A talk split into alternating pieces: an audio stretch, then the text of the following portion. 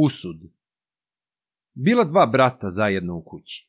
I jedan sve radio, a drugi jednako besposličio i gotovo jeo i pio. I Bog im da te steku u svačemu, u govedima, u konjima, u ovcama, u svinjama, u čelama i u svemu drugome. Onaj koji je radio jednom pomisli u sebi. Što bih ja iza ovoga lenjivca radio? Bolje da se odelim pa da za sebe radim, a njemu što drago. I tako jedan put reče svome bratu.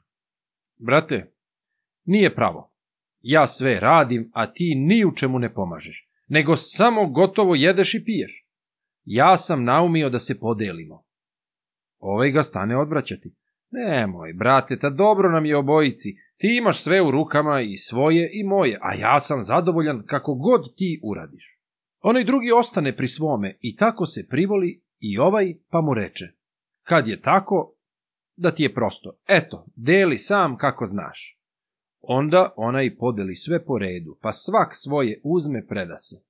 Neradin uzme za stoku govedara, za konje konjušara, za ovce ovčara, za koze kozara, za svinje svinjara, za čele kovanđiju, pa im reče Ostavljam sve svoje dobro na vama i na Bogu pak stane živeti kod kuće kao i pređe. A onaj drugi brat trudio se oko svoga dobra sam kao i pređe, čuvao i nadgledao, ali napretka nikakva nije video, nego sve propast, od dana na dan sve gore, dokle tako ne osiromaši, da već nije imao ni opanaka, nego išao bos. Onda reče u sebi, idem k bratu svome da vidim kako je u njega. I tako, idući, najđe na livadi na stado ovaca, kad tamo a kod ovaca nema čobana, nego jedna prelepa devojka sedi pa prede zlatnu žicu. On, nazvavši joj pomozi Bog, zapita je čije su joj ovce, a ona mu odgovori, čija sam ja, onoga su i ovce. A on je zapita, a čija si ti? Ona mu odgovori, ja sam tvoga brata sreća. Onda se on ražljuti pa joj reče, a gde je moja sreća? Devojka mu odgovori, Tvoja je sreća daleko od tebe. A mogu li je naći? Zapita on, a ona mu odgovori, možeš. Potraži. Kad on to čuje i vidi da su ovce brata njegova dobre, da ne mogu bolje biti, nehtedne dalje ni ići da gleda drugu stoku, nego odande upravo otide k bratu. Kad ga brat ugleda, ražali mu se i zaplače. Kamo se od toliko vremena? pa videći ga gola i bosa odmah mu da jedne opanke i novaca. Posle toga, pošto su se nekoliko dana pročastili, digne se onaj brat da ide kući svojoj. Kako dođe kući, uzme torbu na rame i u nju hleba, i štap u ruke, pa pođe u sve da traži svoju sreću. Putujući tako dođe u jednu veliku šumu i, idući kroz nju, nađe jednu sedu, matoru devojčuru pod jednim grmom gde spava. Pa izmahne štapom te je opali po stražnjici, a ona se jedva digne i jedva otvori oči od krmelji, pa mu progovori. Moli se Bogu što sam zaspala, a da sam budna bila, ne bi ti dobio ni tih opanaka. Onda joj on reče, ako si ti, da ja ne bih dobio ni ovih opanaka. A ona mu odgovori, ja sam tvoja sreća. Kad on to čuje, stane se busati. I ti li si moja sreća? Bog te ubio. Ko tebe meni dade? A ona se odmah uteče. Mene je usud tebi dao. On je onda zapita, a gde je taj usud? A ona mu odgovori, idi pa ga traži. I u taj je mah nestane. Onda čovek pođe da traži usuda. Idući tako, dođe do jednoga sela i vidi u selu veliku gazdinsku kuću i u njoj veliku vatru. Pa pomisli u sebi, ovde valja da je kako veselje ili slava. Pa pođe unutra, kad on unutra, a to na vatri veliki kazan. Kuva se u njemu večera, a pored vatre sedi domaćin. Čovek onaj, ušavši u kuću, nazove domaćinu dobar veče. A domaćin mu prihvati. Bog ti dobro dao. Pa mu reče da sedne do njega, pa ga stane pitati otkuda je i kuda ide, a on mu sve pripovedi kako je bio gazda i kako je osiromašio, pa kako sad ide u sudu da ga pita zašto je siroma. Potom zapita domaćina zašto on toliko silno jelo gotovi, a domaćin mu reče, e, moj brate, ja sam gazda i svega imam dosta, ali svoje družine nikako ne mogu nasititi. Sve kao da ala iz njih zija. Ma samo ćeš videti kad stanemo večerati šta će raditi. A kad sednu večerati, sve je grabilo jedno od drugoga. I onaj veliki kazan cijelom za tili čas prođe. Posle večere dođe Reduša te pokupi sve kosti na jednu gomilu, pa ih baci za peć. A on se stane čuditi gde mlada baci kosti za peć, dok u jedan put iziđu dve stare oklepane vešti, suhe kao aveti, i počnu sisati one kosti. Onda on upita domaćina, šta ti je ono za pećkom, brate? A on mu odgovori, ono je, brate, moj otac i mati. Ko da su se okovali na ovome svetu, nehteše crći jedanput ovoga sveta. Sutradan na pohodu reče mu domaćin, brate, opomeni se i mene. Ako gde nađeš usuda i zapitaj ga Kakva je ovo nesreća, te ne mogu svoje družine nikako da zasitim. I zašto mi otac i mati nikako ne umiru? On se obeća da će ga pitati, pa se oprosti s njime i pođe dalje da traži usuda. Idući tako posle dugoga vremena, jedno veče dođe u drugo selo, pa se zamoli u jednoj kući da ga prime na konak. Oni ga prime i upitaju ga kuda ide, a on im kaže sve po redu, što je i kako je. Onda mu oni počnu govoriti. Za Boga, brate, kad tamo ideš, pita i za nas što nam se goveda ne dadu, nego sve na traške idu. On im se obreče da će pitati usuda, pak sutradan pođe dalje. Idući tako, dođe na jednu vodu, pa počne vikati. O, vodo! O, vodo, prenesi me! A voda ga upita, kuda ideš? A on joj kaže kuda ide, onda ga voda prenese pa mu reče, molim te, brate, pitaj usuda, zašto ja nemam roda u sebi? On obeća vodi da će pitati, pa onda dođe dalje. Idući tako zadugo, najposle dođe u jednu šumu i onde nađe jednog pustinika, pa ga upita ne bi li mu mogao kazati što za usuda. Pustinik mu odgovori, idi obud preko planine, pa ćeš doći baš pred njegov dvor. Ali kad iziđeš pred usuda, ništa ne govori, nego što god on radi, ono radi i ti, dokle te god on sam ne zapita. Čovek zahvali pustiniku pa pođe preko planine. Kad dođe u usudove dvore, ima šta i videti. U dvoru kao da je carevina.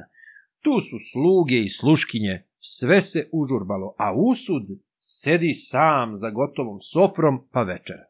Kad čovek to vidi, Sedne i on za sofru pa stane večerati. Posle večere legne usud spavati, legne i on. Kad bude oko ponoći, stane strašno tutnjiti i iz tutnjave začuje se glas. O usude, o usude, rodilo se danas toliko i toliko duša, podaj im šta ćeš. Onda usud ustane, pa otvori sanduk s novcima i stane bacati po sobi sve same dukate govoreći.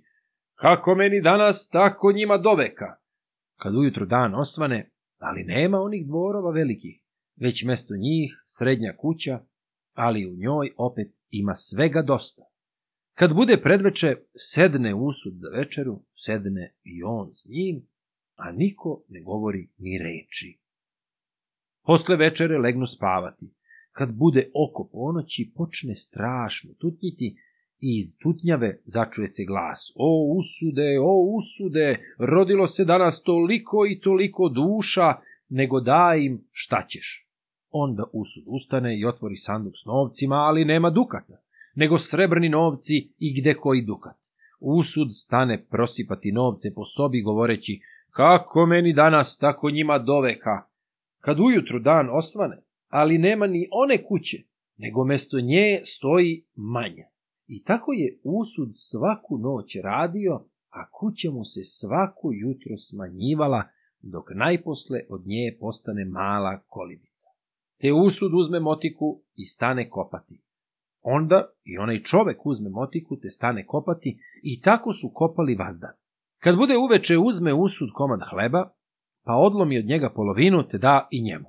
Tako večeraju i posle večere legnu spavati. Kad bude oko ponoći, Opet počne strašno tutnjiti i iz tutnjave začuje se glas, o usude, o usude, danas se rodilo toliko i toliko duša, podaj im šta ćeš. Onda usud ustane i otvori sanduk, pa stane prosipati sve same džiđe i gde koji Marijaš nadničarski vičući, kako meni danas, tako njima doveka. Kad ujutru svane, a koliba se pretvori u velike dvore kao što su bili prvi dan. Onda ga usud zapita. Šta si došao? On mu kaže sve po redu svoju nevolju i da je došao da ga pita zašto mu je dao zlu sreću. Onda mu usud reče, ti si video kako sam prvu noć dukate prosipao. I šta je posle bilo? Kako je meni bilo onu noć kad se ko rodio, onome će onako biti doveka. Ti si se rodio sirotinjske noći, ti ćeš biti siromah doveka a tvoj se brat rodio sretne noći, on će biti sretan do veka. Nego, kad si se zakanio i toliko si se trudio, kazat ću ti kako ćeš se pomoći. Ima u tvoga brata kći Milica. Ona je sretna kao i otac joj. Kad otideš kući, a ti uzmi k sebi Milicu, pa što god stečeš, sve kaži da je njezin. Onda on zahvali usudu, pa mu opet reče, U tome i tome selu ima jedan bogat seljak i svega ima dosta, samo je nesretan u tome što mu se čeljad nikad ne mogu da nasite. Izedu na jedan obrok pun kazan jela, pa im je i to još malo.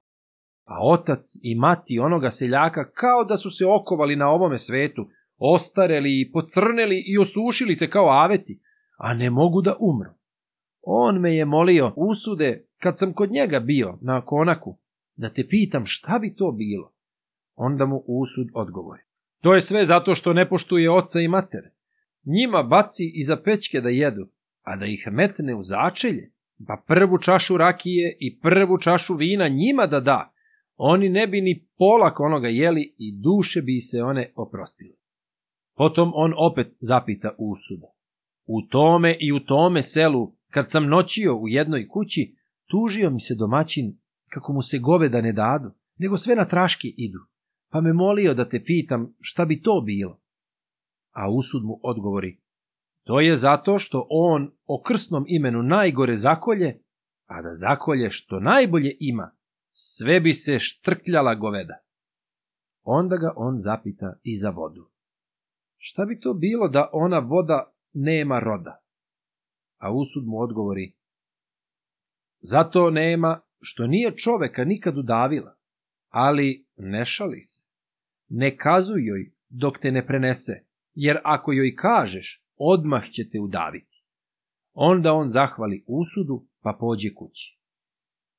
Kad dođe na onu vodu, voda ga zapita šta je kod usuda, a on joj odgovori, prenesi me pak ću ti onda kazati.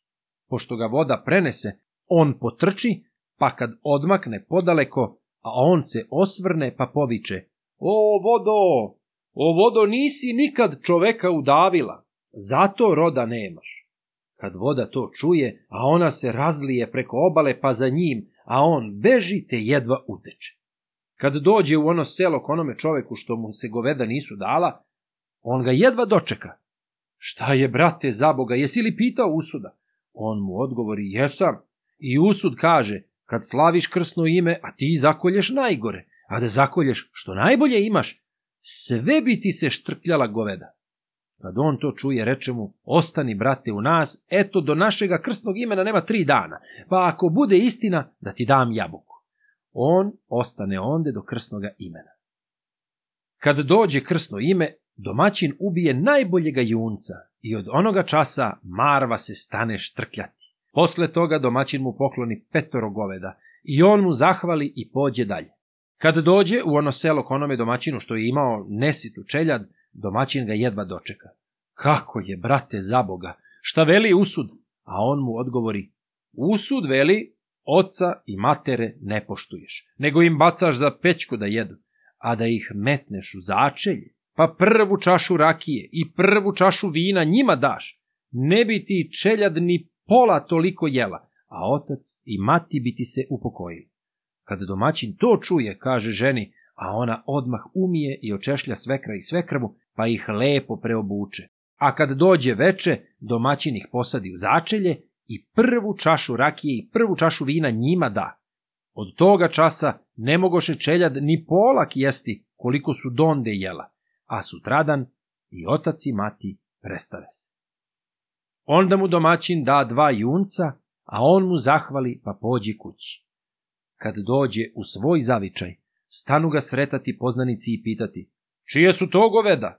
A on svakome odgovaraše, braćo, milice moje sinovice. Kako dođe kući, odmah otide bratu svome, pa ga stane moliti. Daj mi, brate, milicu da je moja. Vidiš da nemam nikoga. A brat mu odgovori, dobro, brate, evo ti milice. On uzme milicu, pa je odvede kući, i posle toga steče mnogo, ali je za sve govorio da je miličino. Jedan put iziđe na njivu da obiđe žito, a žito lepo, ne može lepše biti. Na to udari onu da jedan putnik pa ga zapita, čije je to žito? A on se prevari pa reče, moje.